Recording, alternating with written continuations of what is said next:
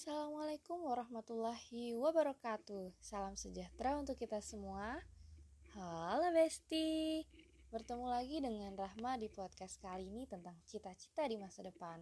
Seperti biasa, pembuatan podcast kali ini juga untuk memenuhi nilai tugas dari kampus. Kali ini podcast aku untuk memenuhi nilai UTS dari mata kuliah Creative Art Halo Pak Ronald, kalau Bapak lagi dengerin podcast ini buat ngambil nilai dari UTS saya. Sehat-sehat ya, Pak. Nah, Besti, mari kita masuk ke pembahasan ya. Sewaktu kecil jika ditanya cita-cita, pasti jawaban kita tidak jauh dari dokter dan guru.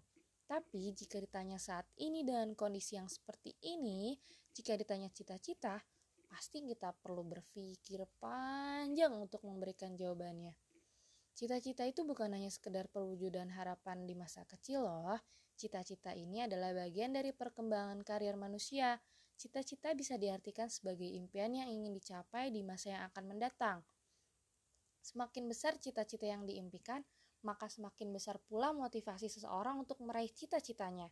Cita-cita harus memberi dampak yang besar, yaitu dengan adanya cita-cita tersebut, maka harus berkobarnya semangat untuk meraih cita-cita. Nah, jika cita-cita kamu tidak memberikan dampak emosional berupa semangat meraihnya, maka cita-cita akan berubah menjadi sekedar khayalan belaka loh. Terkait pemikiran panjang akan jawaban cita-cita tersebut, maka aku sudah memutuskan bahwa aku ingin menjadi pengusaha sukses di bidang properti. Amin. Realitanya sekarang adalah bagaimana aku bisa bekerja, menghasilkan uang, menabung, berinvestasi, dan membangun apa yang sudah aku impikan. Hamdalahnya, saat ini aku lagi kerja nih di salah satu perusahaan ekspedisi dan pembangunan tower sebagai orang karyawan multitasking. Ya, multitasking gak tuh? Iya dengan job desk sebagai staff administrasi dan marketing. Untuk hariannya, Aku akan arsip data-data terkait pengiriman dan pembangunan tower. Sisanya, aslinya sih nggak sisanya, tapi diwajibkan untuk cari customer setiap saat. Lumayan sih cuannya buat nambah-nambah traveling. Gak cuma nabung ya, tapi kita juga harus healing-healing loh supaya kita nggak sinting karena pusing nyari cuan.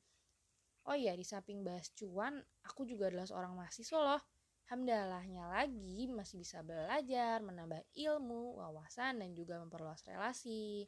Nah, sebenarnya karena kerja sebagai seorang multitasking itulah aku ingin mempunyai sesuatu yang ingin aku dirikan sendiri.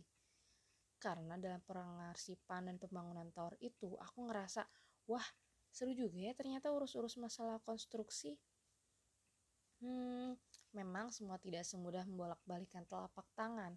Terlebih lagi, aku juga bukan dari keluarga kaya dan punya privilege untuk membantu aku yang nantinya tiba-tiba menjadi anak yang sukses, yang langsung punya klaster 10 pintu. Wah, semua harus benar-benar dimulai dari nol ya, kayak lagi ngisi bensin.